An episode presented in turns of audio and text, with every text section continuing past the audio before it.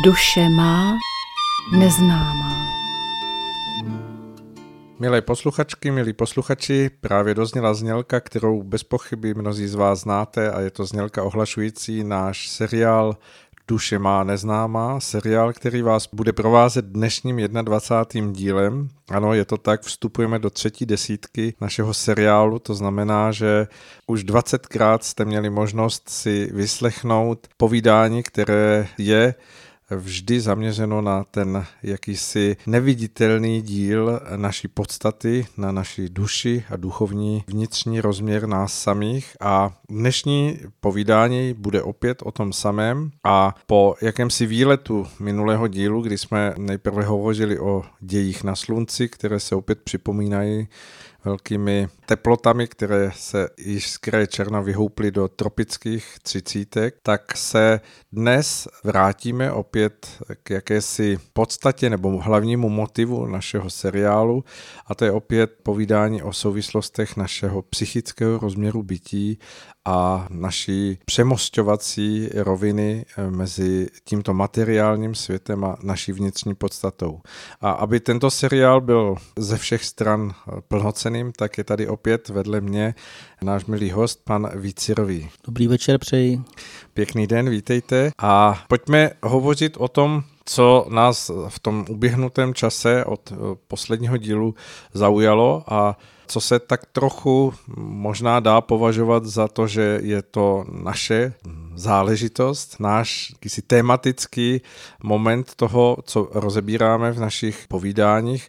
A to je zpráva, kterou možná někteří z posluchačů zachytili na konci května, kdy vyšly zprávy v některých médiích o tom, že v Anglii existuje holčička, která Eh, nemá eh, mozek. Když se čtenáři pustili do čtení tohoto článku, zjistili, že to až tak není úplně správně popsané, protože té holčičce, eh, která se jmenuje Lily a její 6 let, tak se nevyvinul pouze ten přední rozumový mozek, ty dva veliké laloky, které známe, a Eh, místo nich má jakýsi obsah, eh, který můžeme nazvat tekutinou. Nejedná se o ty klasické nervové mozkové buňky, mozkovou tkáň.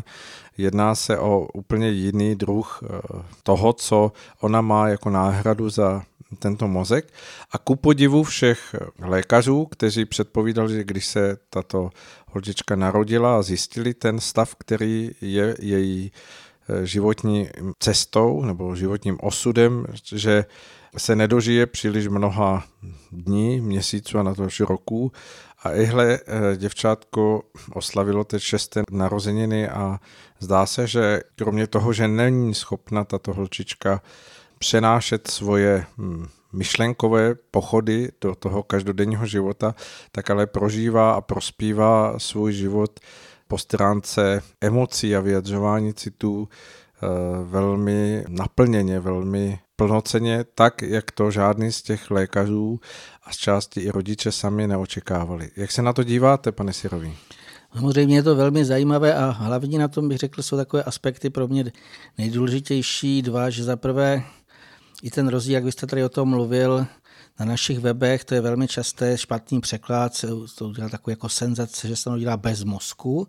A tam je vidět, jak lidé si ani neuvědomují, co je to mozek. Prostě mozek je pro ně jenom velký mozek a ten zbytek jako kdyby neexistoval. V tom originálním, když jsem se díval na ten originální anglický text, tak tam Samozřejmě už to bylo jiné a i ty snímky ukazují, že ona má úplně běžně vyvinutý to, co jsme tady už v jednom pořadě o tom mluvili. Že je důležitější samozřejmě takzvaný ten zadní mozek, a ona má vyvinutý naprosto dokonale zadní mozek, mozeček, limbický systém, to je vidět na těch snímcích. A pouze v podstatě jako tam místo toho předního mozku, je tam, ono to vypadá jako prázdno a to je ta tekutina, jako, je to něco jako hydrocefálie. To znamená, eh, dokazuje to právě to, co jsme už tady povídali, že ten velký mozek, jak lidé jsou na ně tak pišní, víte, to poznáte i podle toho, jak každou chvíli se probírá IQ, kdo má větší IQ, teď kdo má velké, tak si myslí, já už jsem dobrý a když někomu zjistí menší IQ, tak to je doslova jako taková jako stigmatizace. Teď si představme, že se k překvapení těch lékařů narodí děťátko a oni po těch původních nějakých eh, době, kdy už v Čechách se vede projevovat neprojevovali, tak najednou udělali ty snímky a zjistili, tady chybí mozek. A samozřejmě to je takové už eh, zavádějící právě, že se napíše, že se narodí bez mozku. Nenapíše se, pouze jí chybí velký mozek. To je první děj, který já bych na tom viděl. A druhý děj je zase přeceňování té hrubé hmoty. My už jsme tady mnohokrát mluvili v našem pořadu, že mozek je jenom nějaký takový určitý orgán, který má ty různé zprostředkování, jako jeho úkoly, aby ho vykonával. A samozřejmě tady je ta správná jeho funkce, aby on skutečně, my si ještě o tom více povíme, zprostředkoval třeba ty věmy i až našemu duchu. A ne, aby o tom přemýšlel, dokola se točil v nějakých myšlenkách a víceméně, jak je vidět z toho důkazu, tak bez toho velkého mozku se dá žít. Nechceme nikoho nabádat pro aby si ho třeba nechal odoperovat, to nelze. Samozřejmě ta holčička zřejmě to byl velmi silný duch, který z nějakého důvodu na sebe vzal tuto, můžeme to říct, že pro nějaké to postižení, ale přesto na těch obrázcích je velmi zajímavé, když se na to člověk dívá, tak má velmi šťastný, myslím fotografie třeba s maminkou, velmi šťastný výraz, mnohem šťastnější než některé děti, které chodí do škol a jsou, řekněme, velmi chytré, tak ona se tváří velmi spokojeně, šťastně, protože prožívá hodně citem. Samozřejmě my můžeme buď očekávat, že v minulém životě přeceňovala ten rozum, anebo naopak to byl duch, který chce dokázat okolí i lékařům, aby skutečně pochopili, on ten velký mozek není, nebo ten náš rozum, že by to přímo na zemi není to nejdůležitější a to prvotní. Důležitější jsou ty děje právě neviditelné, duševní, duchovní. Tam je potřeba samozřejmě asi doplnit, že ten, jak jste to správně říkal, ten uh, rozumový mozek při správném používání je nástrojem, který nás vede do té reality dnešního světa a pomáhá nám, může nám pomáhat v mnoha situacích, ale mm, zároveň v něm tkví v té jeho přebujelosti a přepěstovanosti, na kterou jsou mnozí pišní, to, že se dostává člověk do jakéhosi schizmatu toho, že veškeré vněmy, které k němu přichází z toho vnějšího světa, zůstávají zachyceny v tom velkém mozku a e, nejsou pouštěny dále k duchu, k tomu prožití člověka, které je tak nesmírně důležité, kvůli kterému jsme zde na zemi.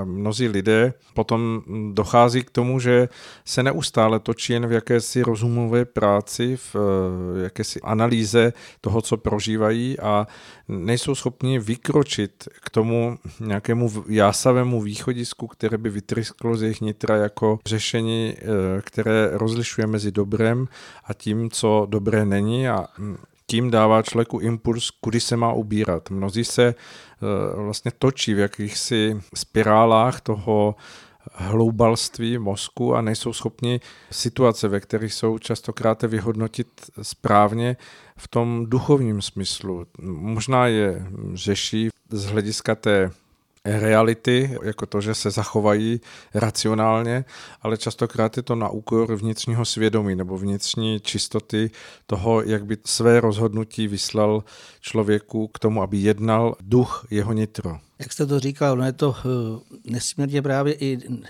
nebezpečné hloubání o věcech, já bych to nazval hloubalitídu, může být smrtelná duševní choroba, protože ten člověk je schopen měsíce přemýšlet o něčem, co je naprosto bezpředmětné.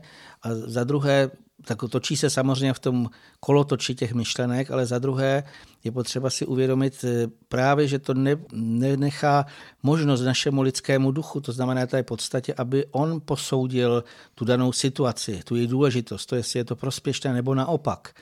Je to vlastně o tom, že tím hloubání ten člověk zadrží ty přicházející věmy, jedno jaké, libovolné, zadrží je v tom předním mozku a v podstatě nepustí je dál a chce to všechno sám vymyslet.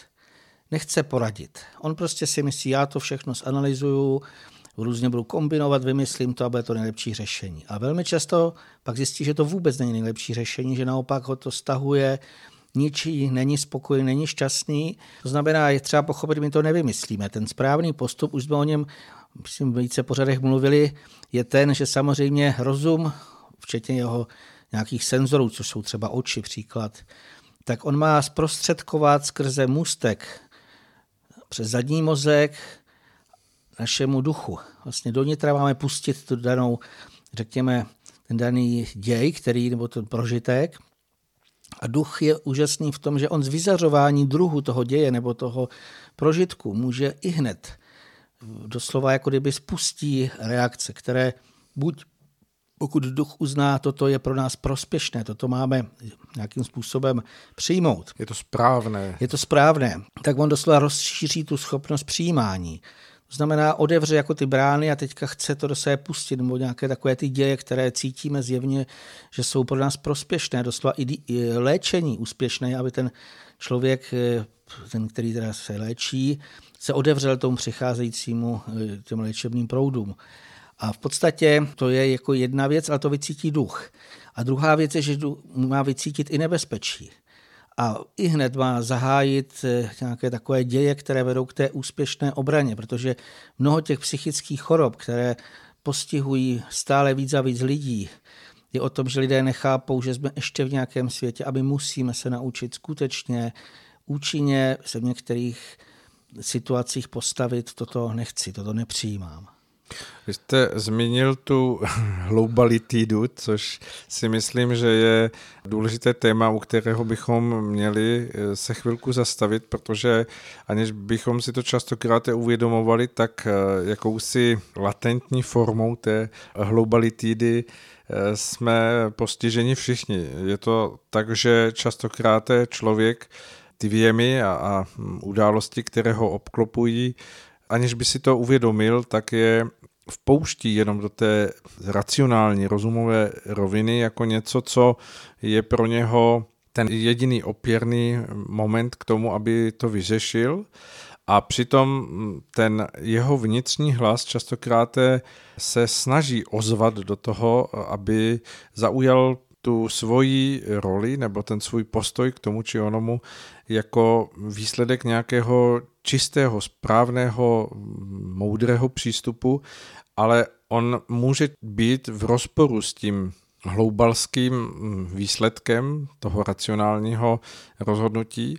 A člověk se potom zamotává, protože eh, se vrší jedna, eh, jeden úkrok stranou za druhým, až se člověk z té cesty úplně vychýlí a zůstává v jakési zmatenosti toho, že neví, eh, kudy se v životě vůbec uh, ubírat, protože jako kdyby mu přicházelo to, že každý jeho krok, který učinil, uh, vede jen k dalším prožitkům něčeho nedobrého, něčeho, co ho stísňuje, něčeho, co mu vytváří uh, strach nebo obavy, nebo se vrší jakési zpětné prožitky toho, že něco neudělal správně a výsledkem je zmatenost a, velmi často velké zoufalství nad tím, kudy eh, je možné se z toho eh, vymotat ven. Je to přesně tak, ono tam ty problémy jsou v dvou okruzích. Jednak eh, duch vidí nad, z nadhledu ty situace, to znamená, on, i když se nám něco třeba nepovede, nebo máme něco těžkého prožití, on to může vidět z toho nadhledu a cítí, že to musíme v této době prožít, ale rovnou už dá takové to utěšení, ale ono to jednou skončí. Všechno, co v té hmotě začalo, skončí a ten člověk se může uvolnit a potom přijímat nějaké ty pomocné třeba impulzy. Ale pokud se člověk zamotá v tom rozumovém racionální, tak si přitahuje jenom myšlenkové formy a v dnešním světě jsou doslova v právě ty. Ono to nemá cenu a všechno je špatně a tak prostě to, co, je to negativismus, a jsou to strachy těch lidí, obavy, nespokojenost, ten skutečně hustě, doslova zamořený prostor eh, jednoznačně obklopuje ten mozek. My jsme se ještě nezmínili i u té holčičky, právě že lékaři nechápou, že nejde jenom o tu hrubou hmotu, proto jsou překvapení, že ona je schopná i nějaké slovo vyslovit, chodí nějaké zvláštní jako školy občas, protože skutečně v tom jemném ty myšlenky poletují kolem člověka a samozřejmě dá se to i přes nějaké ty můžeme to říct, že to je taková jiné cesty, než které jsou jako běžné, ale najednou eh, v podstatě zjistí člověk, že to funguje i v mnohem intenzivněji v tom jemnějším, když něco nám je odebráno, ale právě lidé, kteří mají ten přebujený velký mozek, tak se zamotají v tom myšlenkovém světě. A v podstatě oni jsou jako v houští doslova, když si představíte kde ze všech stran je neprostupná, doslova může říct zeď a oni neví, jak ven. My jsme tady mnohokrát o tom mluvili, možná to ještě i připomeneme. Mluvili jsme o různých odstupněních nějakého takového toho nesprávného prožívání. A to jsou takové, bych řekl, oblasti, které bych nějakým způsobem tady ještě chtěl připomenout, že skutečně v podstatě i z hlediska symboliky těch dějů, aby jsme si uvědomili, že všechno má nějakou symboliku, analogii, tak chtěl jsem tady právě i vysvětlit to, jak se necháme lehce nakazit cizími myšlenkami, myšlenkovými formami, které jsou nesprávné. Představme si, že chceme dosáhnout nějaký cíl, každý si vytyčí svůj cíl, může to být krásný cíl. Ale teď je otázka, jestli nasloucháme svému duchu, který nám ukazuje tu cestu, který nám víceméně říká, nebo může to být skrz ten vnitřní hlas, nebo někdo to vycituje, ukazuje běž tam a tam. Ale je dnes poměrně mnoho lidí, kteří naslouchají cizím radám. A teď, když jsou to zavádějící rady, tak ta cesta k tomu cíli se jenom prodlouží.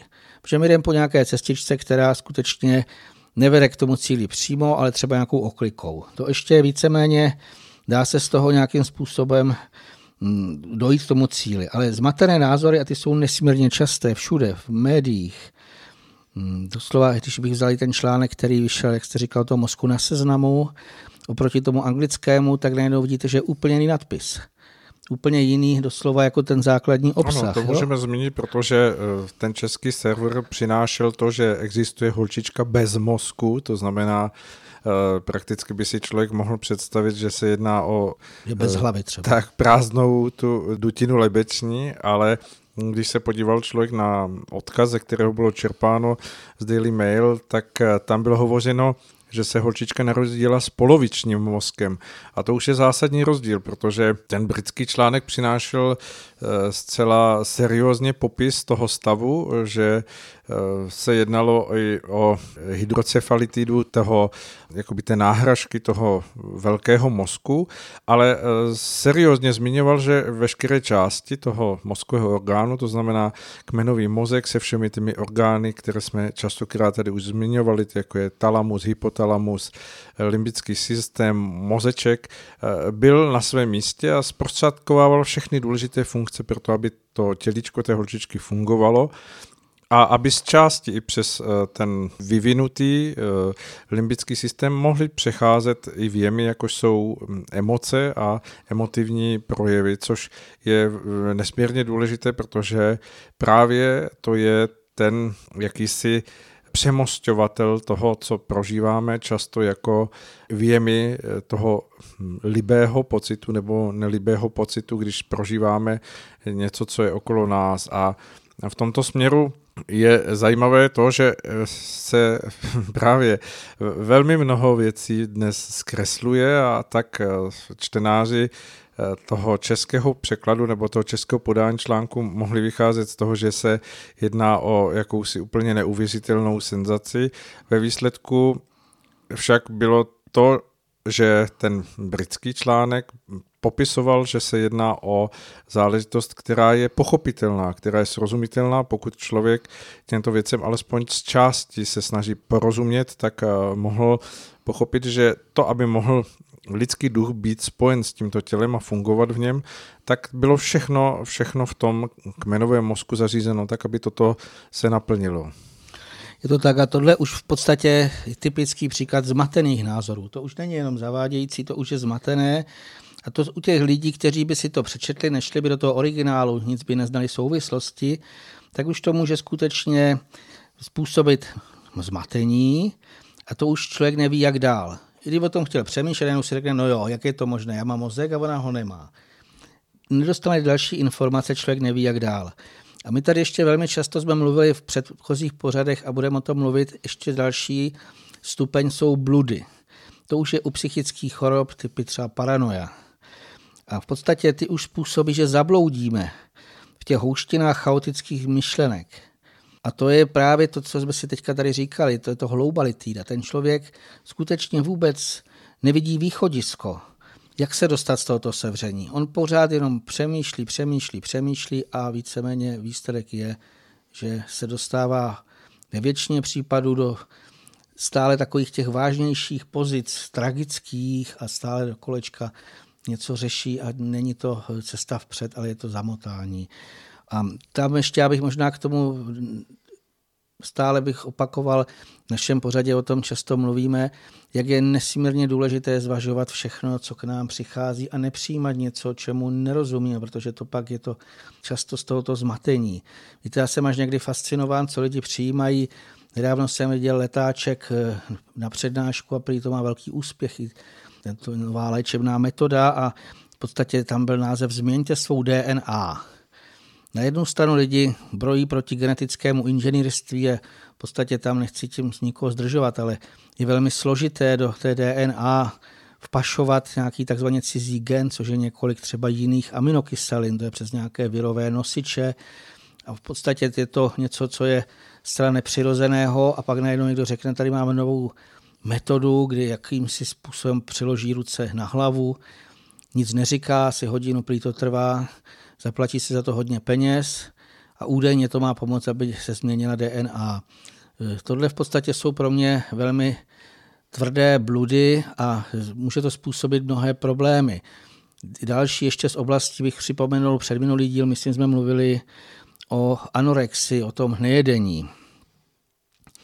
A skutečně to je typický zase příklad to, že lidé nezvažují právě rozumem i citem, ale přijmou něco, co někdo napíše, tvrdí a přijmou to jako hotové a víceméně nějak se to může u, u slabších jedinců projevit skutečně velmi tragicky. Já víceméně bych tohle ještě zdůraznil z toho důvodu, protože zase jsem našel v médiích víc zpráv, mě překvapilo, jako kdyby stále lidé podléhali těmhle těm bludným myšlenkám více a více, že eh, doslova se někdo umořil hlady.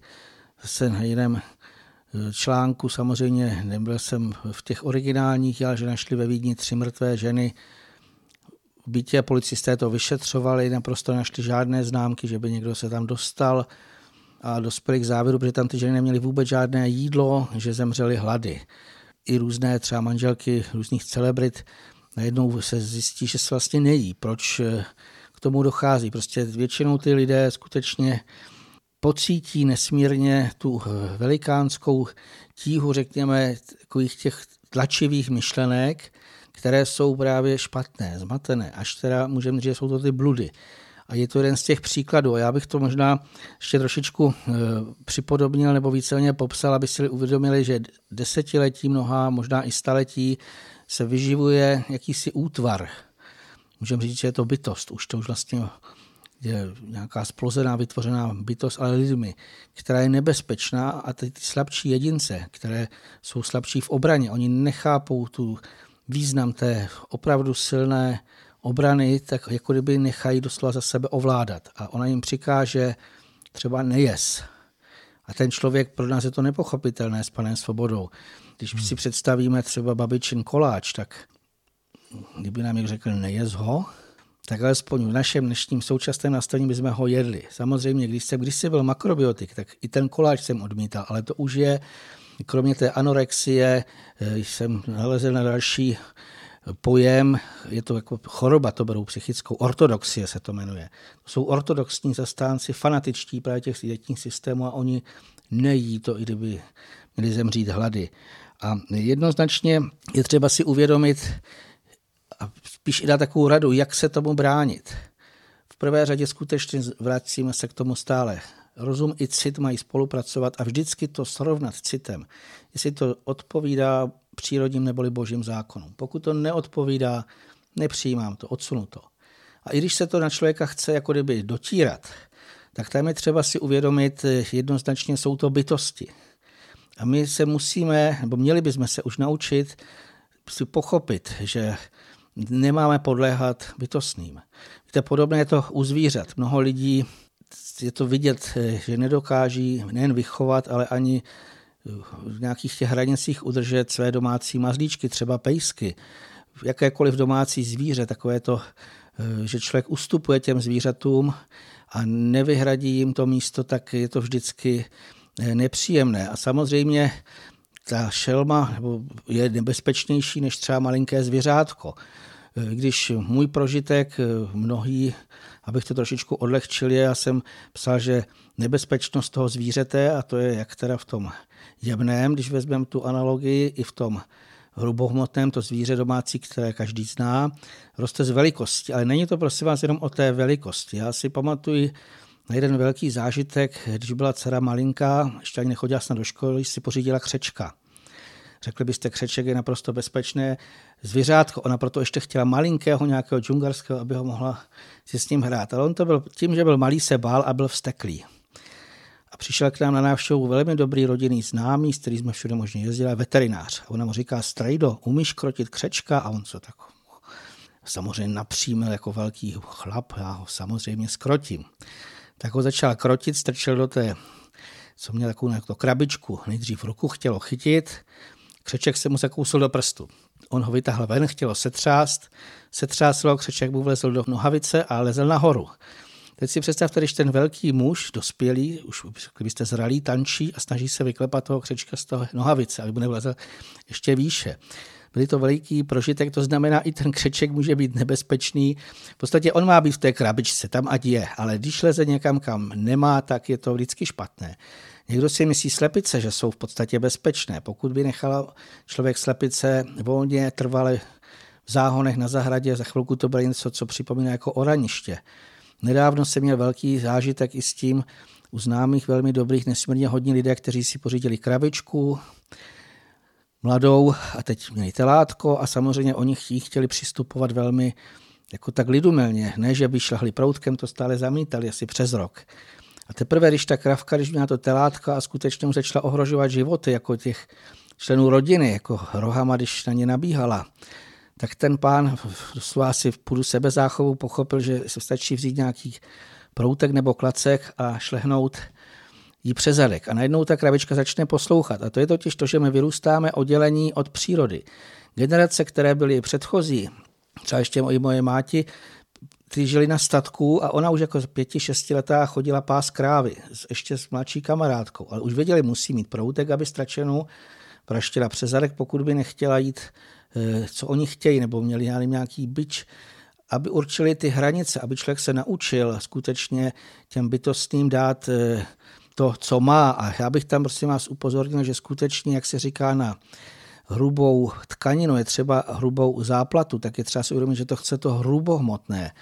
Já už jsem tady když si zmiňoval můj prožitek, když jsem se snažil přesvědčit jednu kobylku, která místo na výšťku, když tam s nějakou paní takové farmě, kde měli koníky a paní chtěla věc na výšku a kobylka se postavila urputně, až nepůjde dál. A já jsem chtěl ukázat, jaký jsem teda muž, tak nejdřív jsem si představil, když si v životopisech jsem se dočetl, že Budha jenom pohledem zastavil píka, že ho dokázal skrotit, tak jsem si nejdřív díval urputně do očí, ona se ani nehnula, tak jsem mi začal tahat za ty opratě.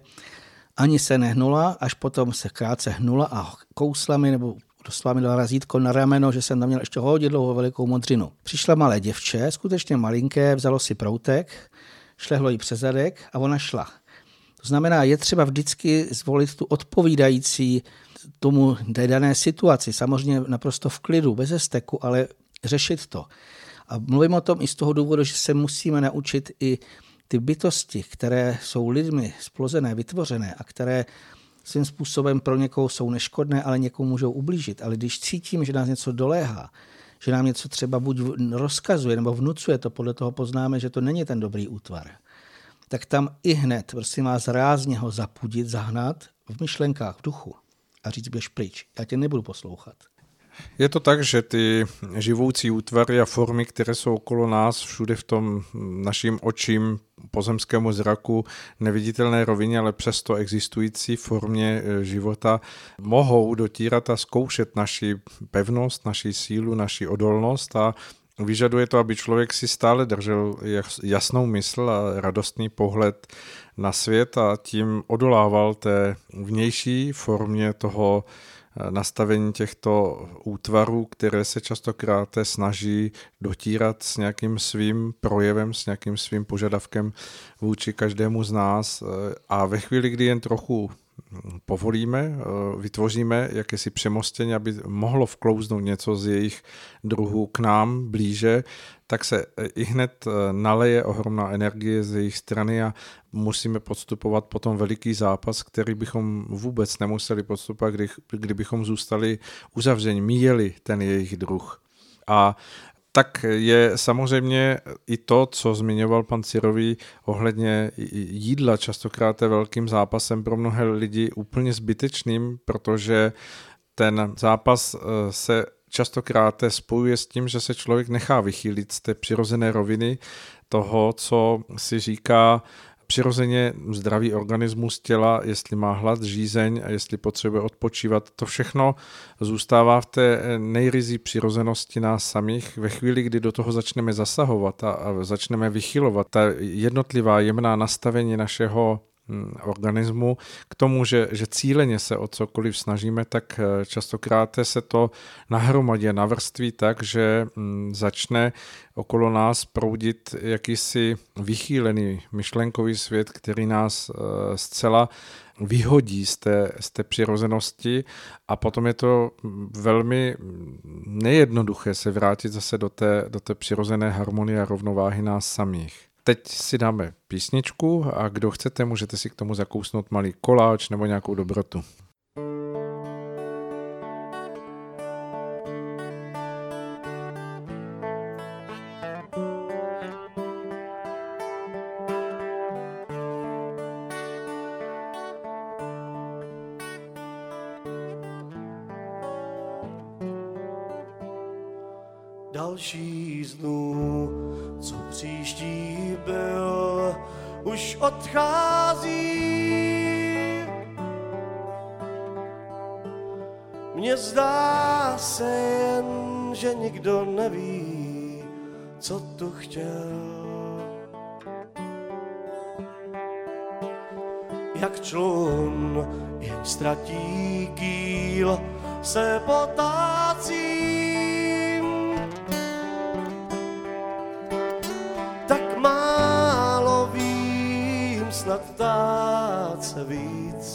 Bych měl. Nesmím se bát, nesmím se jen tak dát. Zkouší snad se slunce smát z oblaků.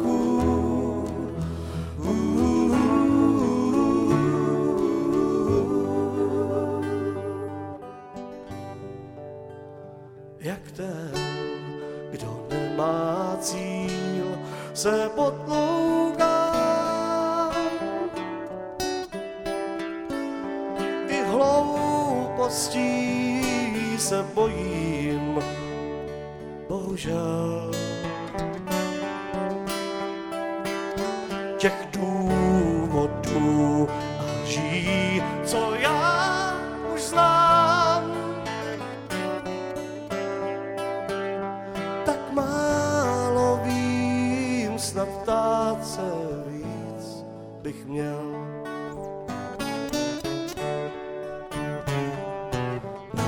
Ten strach je ve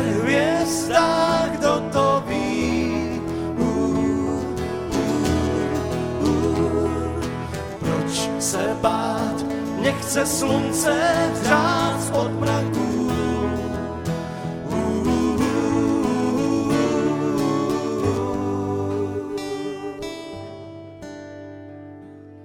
Já vím, vždyť dal jsem slib, ach táto vím.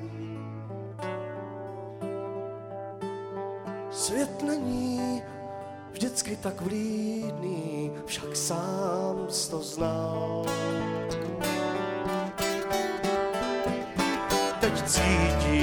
že radost máš, když souhlasím.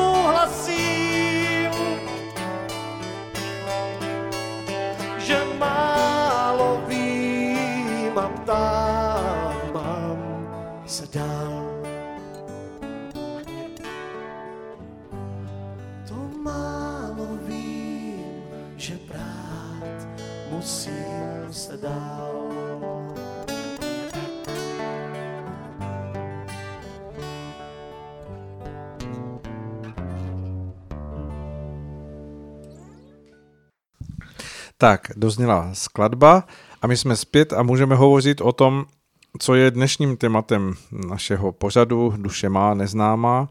A to je eh, popis toho, jak se častokrát může některý z těch eh, námi zmiňovaných útvarů nebo té živoucí formy, která má nějakou skutečnou podobu v tom jemnějším světě okolo nás, jak se může eh, tato forma na člověka přisát, dostat do jeho blízkosti tak silně, že ho úplně odvede z jeho životní dráhy a, a nějakým způsobem mu zamotá celý hm, výhled jeho života tak, že se úplně ztratí eh, v jakýchsi bludných stezkách a cestách, které pro něho nebyly předchystány, ale jenom tím, že otevřel ten svůj vnitřní rozměr těmto vlivům, tak ho to může vychýlit natolik silně, že je to potom pro něho doslova zápas o život.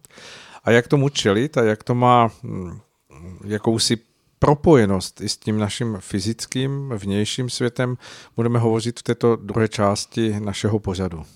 My jsme porozuměli těm dějům jemnohmotným nebo těm neviditelným, tak eh, jsem se tady připravil určité analogie eh, o nemocnění, které jsou lidem naprosto běžně známý a každý si myslí, že už jako je třeba i chápe. Běžně samozřejmě všude se dočtete, že nejčastější eh, nemoci, na které se v našem civilizovaném světě umírá, je rakovina a srdečně cévní onemocnění. Co se týká těch psychických chorob, tak tam jsou nejčastější deprese a psychózy. Takové to v podstatě jsou to zase dvě základní druhy těch onemocnění. Samozřejmě každý zná, jaké jsou dopady, netřeba to nějakým způsobem rozpitvávat. Samozřejmě jenom zdůrazňujeme, že i ty psychické choroby, právě tyto dvě, můžou mít velmi tragické dopady. To si myslím, každý zahledl jak v médiích, tak eh, může to i ve svém okolí pozorovat. A eh, pokud si zamyslíme na tou analogii nebo na těmi spojitosti, tak tam můžeme najít velmi zajímavé takové souvislosti. Deprese, mně tam přišel ten obraz, že to jde přirovnat k mrtvici. Tam najednou jako kdyby nemůže volně proudit ta životní síla, její průtok je uškrcen, zablokován a ten člověk nějakým způsobem nemůže dál. Psychózy zase lze přirovnat k rakovině. Tam skutečně já jsem je zahlédl, tam se najednou objeví jakýsi jemnohmotný nádor. My jsme mluvili o tom choroši, ale je to skutečně nádor. Je to něco živoucího, co se na toho člověka nějakým způsobem přilepí a v tu chvilečku uh, už je to velmi vážné. Teďka co s tím? U rakoviny je známé, to nejčastější způsob je třeba odoperovat, a pokud by v těle byly nějaké metastázy, to znamená, to jsou ložiska zase dalších rakovinotvorných buněk nebo těch nádorů, tak ještě se v dnešní době většinou to řeší chemoterapii. Samozřejmě jsou i jiné možnosti, zase to nechcem tady vést nějaké jako diskuze nebo v podstatě ani prosazovat, ale obecně se uvádí, že mnoho lidí se vylečilo z rakoviny tím, že vyhladovělo ten nádor. Je tam potřeba i víc věcí. Když jsem četl velmi zajímavou knížku od nějaké lékařky, která sama pracovala na oddělení, kde dávala chemoterapii, viděla ty dopady a nejvíc jí eh, právě tam uchvátil jakýsi stařeček, který měl velmi těžký průběh té rakoviny a oni už lékaři jako řekli, to nemá cenu ho léčit, poslali ho domů umřít. On po mnoha měsících přišel a byl úplně zdravý. Tak samozřejmě hned je zajímalo, co udělal. On říkal, víte, já jsem jedl jenom to, co nám les a louka, co mi dá. Samozřejmě eh, nechceme sam tím ani nikoho nabádat, ale je třeba si uvědomit, že to je možné. Mimo jiné, ta lékařka o tom napsala knížku, že když sama dostala rakovinu, tak eh, taky vyzkoušela tu metodu toho dědečka, jsem zapomněl to jméno, a taky se z toho vyléčila. Ale tam samozřejmě zaprvé to musí být už silná osobnost, která má silnou vůli a dokáže nejíst. Samozřejmě teď myslím v tom i léčebném smyslu ty půsty většinou jsou řízené. V Rusku jsou celé sanatoria, kde je to pod dohledem lékařů, kteří skutečně hlídají jak tekutiny a všechny možné i živiny v tom těle. Co se týká toho jíst, co nám les a louka dá, zase to si může dovolit jenom ten, kdo zná bylinky, kdo ví, co se může jíst. To znamená, zná přírodní zákony a musí jim plně důvěřovat. To je nesmírně důležité. Tam samozřejmě, co se týká, pokud jsou to ať už se to týká právě rakoviny, ale jiných onemocnění těch psychických, tak se většinou užívají nějaké hodně silně působící byliny, které se řadí mezi jedovaté. Oni mají nějaké ty velmi intenzivně působící účinné látky, ale tam potřeba Nejen, aby se užíval dostatečně dlouhou dobu, v dostatečné množství. Ayurveda a různé čínské byliny jsou založeny na tom, že se vlastně polikají tabletky, které jsou poměrně velké a ještě mnoho za den, aby to nějakým způsobem fungovalo. Tam to aspoň je vyzkoušené, tady v našem světě neznáme, kolik těch bylinek můžeme, samozřejmě pokud někdo nevnímá bytostné. Je potřeba použít skutečně dostatečné množství těch účinných bylinek a v podstatě eh, samozřejmě, když bychom měli tu analogii, tak stejně jako u chemoterapeut, tam je, to jsou taky velmi jedovaté látky a je třeba naprosto přesné dávkování podle tělesné hmotnosti, podle schopnosti metabolického odbourávání a tak dále.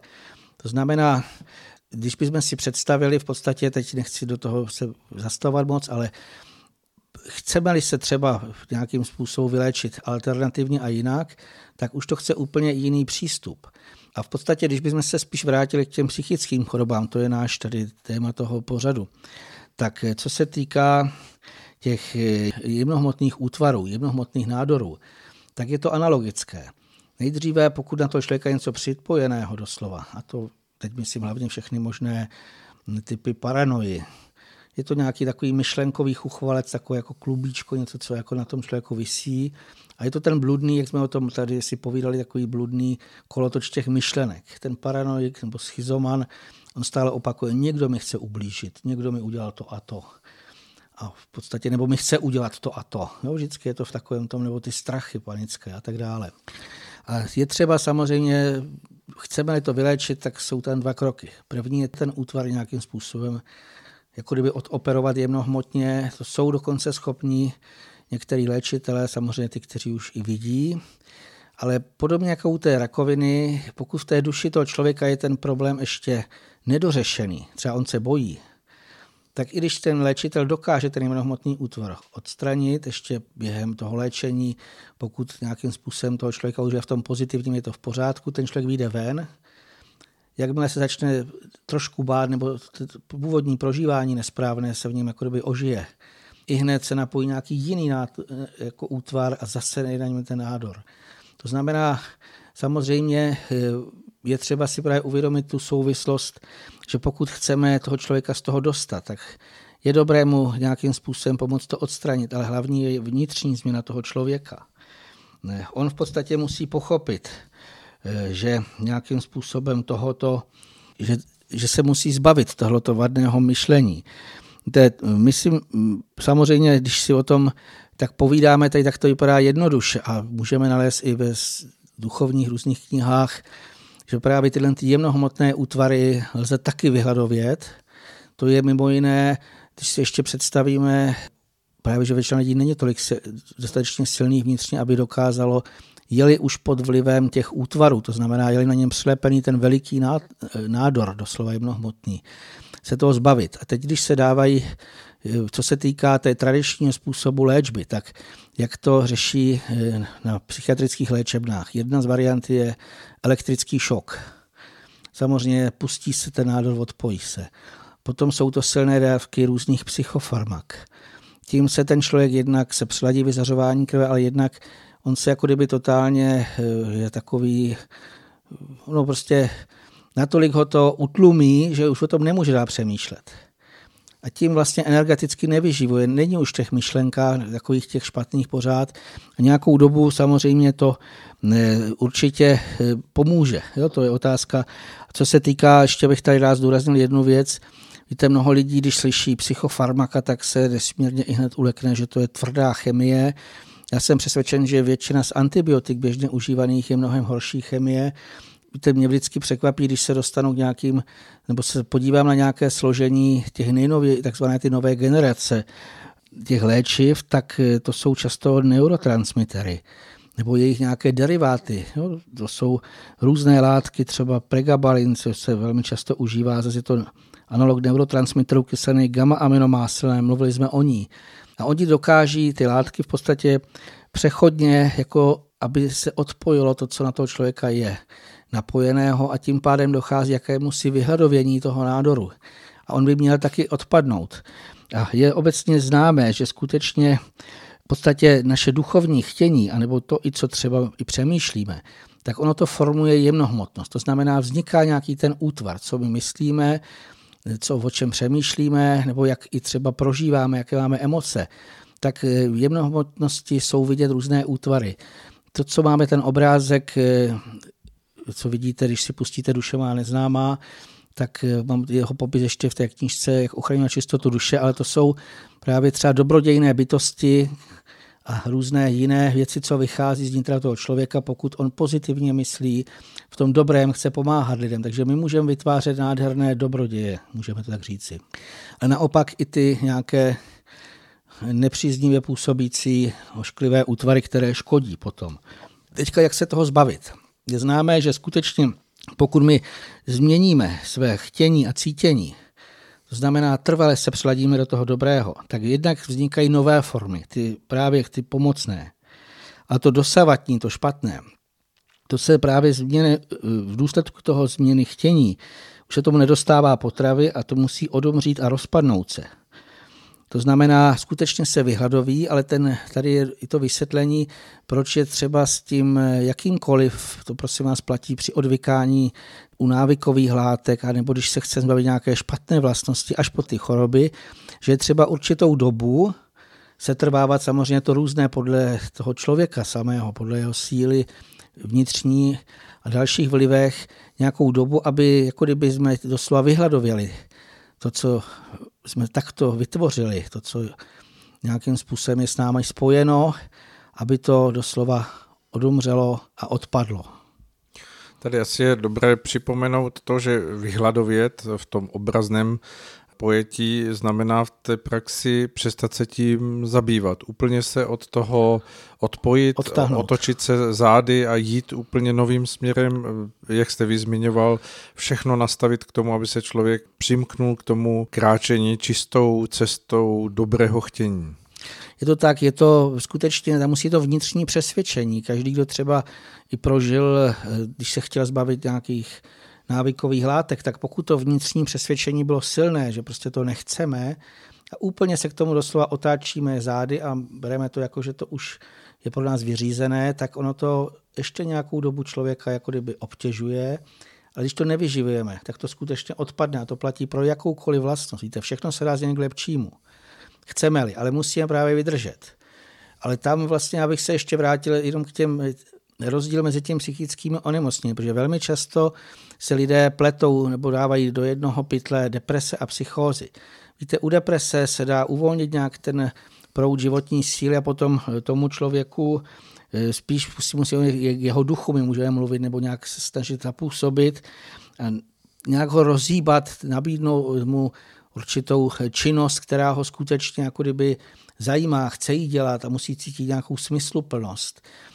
Tam to většinou jde, ale u psychos to není tak jednoduché. Tam skutečně jak docílit toho, aby se jednak ten nádor jemnohmotný dal pryč a aby teda skutečně ten člověk trvale už vůbec se tím nezabýval. To hlavně takové to citové jako, nebo emocionálně zabarvené prožívání. Když bych vzal třeba ty démony strachu, prostě člověk se musí úplně přestat bát. A to málo kdo má tak rychle jako Samozřejmě jako třeba se někdy člověku stane, že se to ztratí i hned, ale mnoho lidí neumí tak rychle se přeladit. Pokud hovoříme o té analogii eh, mezi tím psychickým a fyzickým, tak eh, se možná dá připodobnit obraz, eh, který můžeme dát do té roviny toho, že to od, odejmutí nebo to odpadnutí toho takového to vlivu, jak vy říkáte, toho jemného nádoru, tak eh, přesto zůstává na tom našem těle, ať už je to astrální nebo duševní, jakési spojující eh, otevřené místo, které se musí vyhojit. A asi množ, mnohý z vás eh, si vybaví z dětství situaci, kdy zejména v těch letních měsících, když člověk běhal jen tak v nějakých sandálkách nebo nalehko různými cestičkami, tak častokrát se stalo to, že škobrtnul a nějakým způsobem se rozbilo koleno nebo něco, něco prostě doznalo újmy a jako by se otevřela ta ranka až, až na krev a musela se nechat zacelit. A nějakou dobu na ty ráně zůstával strup, jako ten mezičas toho, že než se vyhojila ta tkáň eh, kůže, aby se zcela zacelila a s jakousi jízvičkou zůstala potom už eh, náhradou toho původního hm, nezraněného kolínka nebo kotníku, tak stejně tak můžeme hovořit i o tom stavu našeho, našich vnitřních rozměrů bytí, ať je to právě ten astrální záhal nebo ještě jemnější záhaly duševní, že ten čas, který zmiňujete eh, v, v tom odpojení se od toho, od takového živoucího útvaru, eh, potřebuje právě k tomu, aby se zahojila ta naše eh, ranka, která potřebuje se spevnit, zacelit a potom, aby mohla odolávat tomu, aby nebyla zase snadno prvním zatrhnutím nebo prvním škrábnutím otevřetelná jako něco, co znovu a znovu bude navazovat novou spojnici stejnorodosti s nějakým jiným útvarem, ale vlastně ve stejném druhu záření. Je velmi hezká analogie, mně se to přesně vybavilo, protože jako chlapec jsem měl velmi často odřená kolena a všechno možné. A tam ještě je důležité právě zdůraznit tu věc, že aby se to zahojilo, nesmí se to rozrýpat. Ano. To věděl každý. To, to nám ono, ono každá to je, maminka. Ono to je takové velmi lákavé, že když už to člověka jako svědí, svědí a teď by to jako ráda, tak jakmile nevydrží a skutečně to rozkrábe, tak zase z toho příští ta krev. Zase uniká ta, v tom, bych řekl, v těch, u těch nemocí duševních, psychických, jako ta energie z nás a může se něco a skrze tu otevřenou ránu, brána, zase ano. přesně vstupná, vstupní brána třeba té infekci. To znamená, je to tak, musí člověk mít tu silnou vůli a dokonce si trochu chytit říct, ne, já si to nerozrýpu, protože už bych to nebo nesloupnu, když už, I když to vypadá, že už by se to dalo, nesmí se to udělat. Tak. Takže ta analogie je velmi dobrá. Já tam ještě bych možná, abych trošičku popsal lidem, kteří i nad tím třeba se zamysleli nebo měli někdy kolem sebe někoho s psychózami a teď se snažili ho přesvědčit, že to, co on říká, že vůbec nemá cenu se bát nebo nějak se ho snaží slova přemluvit, tak jako jak to vlastně eh, nějakým způsobem v těch lidech probíhá. Já jsem tam měl takovou analogii ve snech eh, nebo jak, jak bych to vlastně jako nějakým způsobem připodobnil. Zkuste si vzpomenout, myslím, že každý eh, prožil sny, kdy něco nesmírně intenzivně prožíval. Hmm, vzpomene si třeba na to k ránu. A jsou zase sny, aspoň já jsem je prožil, kdy stále dokola člověk něco řeší. To slova nad tím jako, už, jako i přemýšlí, je to takové, to spíš po ránu jsou to ty sny. A v tom snu je to nesmírně důležitého něco. Kdyby nám někdo řekl, to nemá cenu se tím zabývat, tak ho neposlechneme. Dokonce je velmi zajímavé, že už se jako tohle prožité, už se probouzí člověk a pořád řeší a přitom ještě bych zdůraznil, jsou to věci, které prosím vás jsem v tomto životě nikdy nedělal, nikdy jsem se tím nezabýval, není to z něco minulého dne. Jsou, jsou to místa, lidé a situace, které neznám. A přesto se tím zabývám a teď už se probouzím a už cítím nebo vnímám, je to nesmysl. Ale já se nemůžu, dokud se úplně neprobudím, toho zbavit. A pořád až do úmoru pak se úplně člověk probudí unavený z toho, jak přemýšlí nad něčím. Teprve, když stanu, přeladím se na ten nový den, tak se řeknu, on to byl naprosto zmatený sen, který neměl vůbec cenu se v něm motat. A teď si představme, za těžší psychoze, jako je ten, se skutečně ten člověk jako spí, prožívá ten svůj sen, to je ten kolotoč těch myšlenek a on se z toho nemůže probudit ten duch v podstatě jako kdyby přenechá můžeme říct, že on buď spí nebo nějakým způsobem je jako takový spoutaný a vlastně přenechá tu vládu nad tím svým myšlením nějakým těm jemnohmotným formám, jak jsme tady o tom mluvili. Buď jsou to myšlenkové, nebo můžou to být i ty eh, démonické formy, nebo vyplývá to samozřejmě, tam je ta úzká spojitost už s tím emocionálním prožíváním. Samozřejmě tam dokonce může se i na toho člověka napojit nějaká cizí duše z onoho světa. To je už potom případ spíš schizofrenie. Je potřeba si uvědomit, že to jsou většinou duševně choré duše, protože jinak by tu nebyly. Nebo velmi často jsou to. A vlastně ten člověk najednou se chová, že okolí nemůže pochopit, proč se zabývá, proč celé, prostě má třeba měsíce leží v posteli a zabývá se něčím, co v tom bdělém stavu duchovním si řekneme, tím nemá cenu se zabývat ani minutu. Prostě je to ztracený čas. Ale oni v podstatě, ten postižený vlastně věří tomu, že ho tak skutečně je, co on prožívá. Je to velmi těžké vlastně, jak zbudit tohohle toho, můžeme říct ten člověk oblounící, nebo spoutaný, nebo dřímající duch. To skutečně, kromě těch, jak už jsme o tom tady mluvili, těch zásahů, co se dělají na psychiatrii, v tom našem běžném prožívání, jako v tom, řekněme, to, co máme k dispozici, to je třeba hledat ty metody od silně působících bylin a zase tam chce přesně u té rakoviny vědět, které to jsou a v tom dostatečné množství užívat. Otázka je, jestli jak by se ten duch dal jinak probudit, jestli nějakým silným prožitím, které vlastně s tím zahýbe, eh, protože skutečně dokud se neprobudí z toho snu, tak většinou je pořád v tom kolotoči těch matených myšlenek a je to hlavně pro to okolí nesmírně smutné až zoufalé, protože vy vidíte, že mu to vůbec nesprospívá a v podstatě nemůžete ho přemluvit. Typické u toho jídla jsme třeba mluvili. Mnoho lidí prožili někoho s anorexí nebo s těmi jinými poruchami. Všichni vidí, že ten člověk odchází, že je naprosto nepoužitelný. Ale můžete mu říkat horem dolem yes, Přijde mi, že to je takový obraz, jako kdyby ten člověk z nějakého důvodu, teď asi těch důvodů může být celá řada, eh, právě v nějaké slabosti jeho samého vstoupil do toho Eh, lesa, eh, kde překročí bludný kořen a najednou jako kdyby se mu ztratilo všechno to, co předtím bylo a je okolo něho jenom ten les s těmi strašidelnými zvuky a s těmi různými světelky a šerosvitem, který tváří dojem toho, že je to ten nejhorší moment jeho bytí, ve kterém se nachází.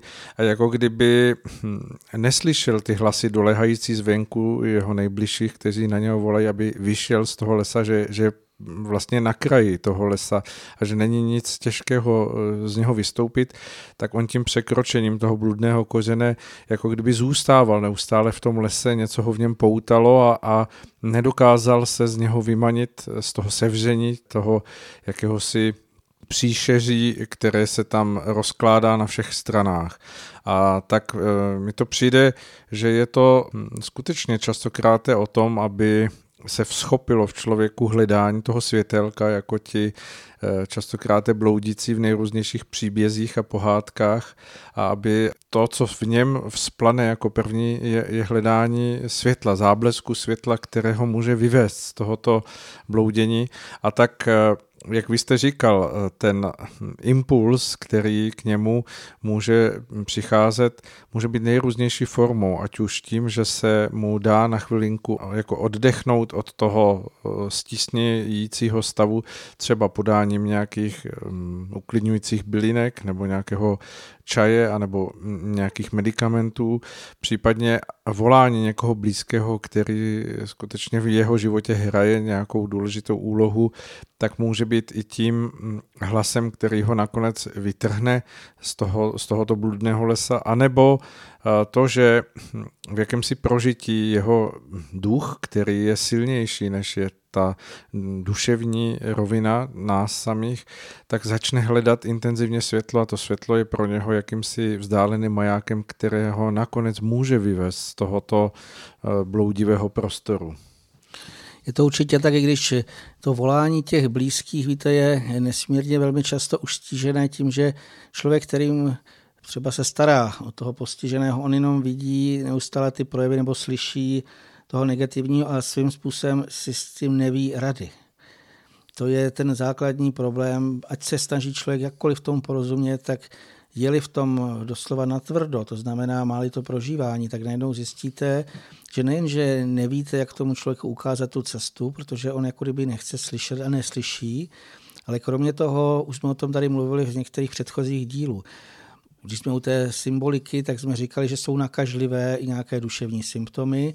Psychózy jsou silně infekční, proto lékaři znají ten pojem indukovaná psychóza. A to bych chtěl připomenout, když někdo dlouho žije s člověkem, který je v té psychóze a on stále dokole opakuje, zpočátku si říkáme, že to je lež, tak takové to rčení stokrát opakovaná lež, tak ten druhý najednou se začne přemýšlet, není na tom něco. On to má nějaký problém veliký a teď to bude svádět třeba na to, že ostatní mě pomlouvají a kvůli tomu mám tenhle ten problém. A ten člověk si říká, no tak asi třeba na tom něco bude.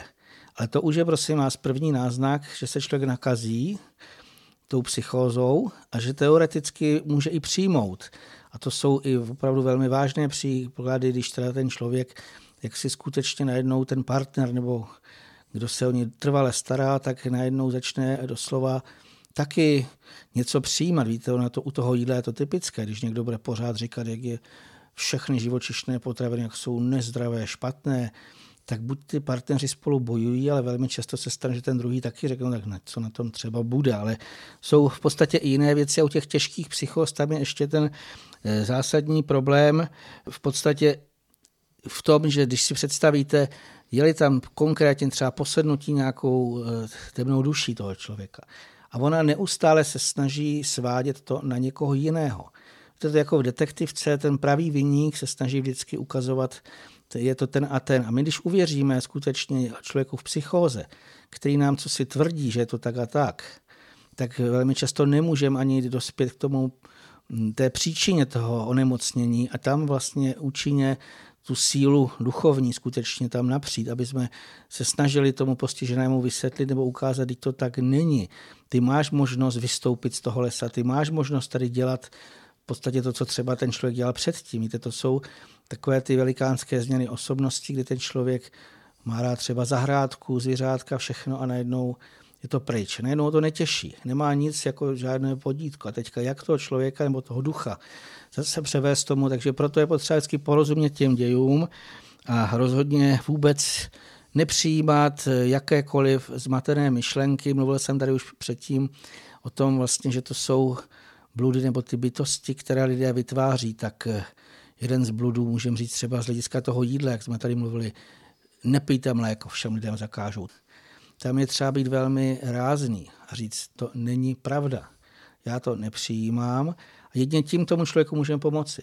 Ne tím, že mu bude ustupovat člověk. Samozřejmě nehádat se s ním, ale mít v určitých věcech jasno a pokud člověk vydrží, tak samozřejmě i ten protivník může potom oslabnout. Je to vždycky takový velký, můžeme říct si běh na dlouhé tratě. Ten boj je dlouhodobý, není to nic rychlého většinou. Je to tak, jako když bychom vzali, že skutečně ten les, ten obraz toho hm, jakéhosi eh, bludného lesa spojíme s tím, že je to hm, močál, ve kterém hm, se skutečně znovu a znovu vytváří ty omamné mlhoviny, páry, které se snaží eh, vystupovat z toho lesa a otravovat eh, to daleké okolí, tak jedinou cestou je vnést do tohoto příšeří eh, světlo, vytrvale postupně nechávat dopadat paprsky té radosti vnitřního nastavení, které neustupuje a drží si stále ten přirozený nadhled. A ten močál a ten les začnou postupně eh, vysychat, proměňovat se, začne tam pronikat více světla a mlhoviny se stáhnou do dály a může dojít k tomu, že eh, se skutečně nakonec ta celá forma tohoto místa, ve kterém někdo blízký zabloudil, rozpadne a on vystoupí jako osvobozený, bude najednou nahlížet na ten svůj díl života jako na sen, který pro něho bude něčím, neuchopitelným, jak se mohl do něčeho takového dostat. A cash se na, samozřejmě nám toto daří všem, abychom ve svém působení v životě vždy byli těmi nositeli paprsků světla, které mohou vysušovat tyto močály. Abych to ještě dodal, hlavně se to týká teda psychos, eh, které jsou typu třeba paranoia, to znamená, mluvil jsem o tom, jsou to buď myšlenkové formy nebo démonické formy, to jsou bytosti a důležité je uvědomit si, měli jsme o to vlastně v minulém díle hodně povídání, jako síla ducha. Je vysoko nad bytostmi. Skutečně duch má velmi intenzivně a rázně té bytosti dát najevo, že ho nebude ovládat. A skutečně rozvíjet, to je taková ta výzva, rozvíjet naše duchovní schopnosti. Ale aby se vlastně rozvinuli, tak je nutné pracovat trvalé denodenně na našem sebezlepčení. Tohle je důležité. Z toho vyplyne vlastně ten duchovní zestup a potom my můžeme ukazovat cestu jiným, ale i u sebe budeme natolik vlastně silní v té obraně a v tom působení, že to, co dneska vlastně lidem přijde nemožné, tak v budoucnosti ty zázraky vlastně budou něco normálního. A v podstatě ten duchovní vzestup nebo to sebezlepčení, to doprovází úplně vše. Když bychom se vrátili k vyléčení, tak pan doktor Usnák téměř v, v mnoha přednáškách opakoval jednu věc, že uzdravit se znamená stát se lepším. A tohle samozřejmě platí i pro ty psychické choroby. To znamená, ten člověk eh, musí, nebo ten duch se probudit a chtít se stát lepším. Vlastně ten rozdíl mezi zdravou a nemocnou duší je v podstatě v tom, jestli ten zdravý člověk se vyvíjí a stále usiluje u svůj vzestup, má nějaký ten cíl. Ten nemocný, ten se ve většině případů, kde si zastaví, uvízne v tom, ať už můžeme nazvat močál, les. Je to určitý prožitek či situace a vlastně on nechce výjít ven z toho lesa. Nechce pochopit, už to mám opustit. To znamená, ono to platí pro všechny duše. Ať jsme tady v tomto pozemském těle zde, anebo už po smrti přejdeme na takzvaný onen svět, tak pokud někde člověk uvízne v nějakém takovém to, ať už to nazveme močál nebo něco špatného, víte, v tom myšlení je to křoví třeba nějakých špatných myšlenek. Nebo, nebo sluje nějaký. Cokoliv. Prostě představme si něco, je to nepříjemné, ošklivé, něco, kde bychom vůbec nechtěli být. Je to tam není tam vzduch, není tam sluníčko, není tam jasno, není tam radost právě. To znamená jednoznačně pochopit, že toto eh, je třeba jít dál dopředu. A to má ruku s rukou, vlastně to jde s tím duchovním naším vývojem a s tím, že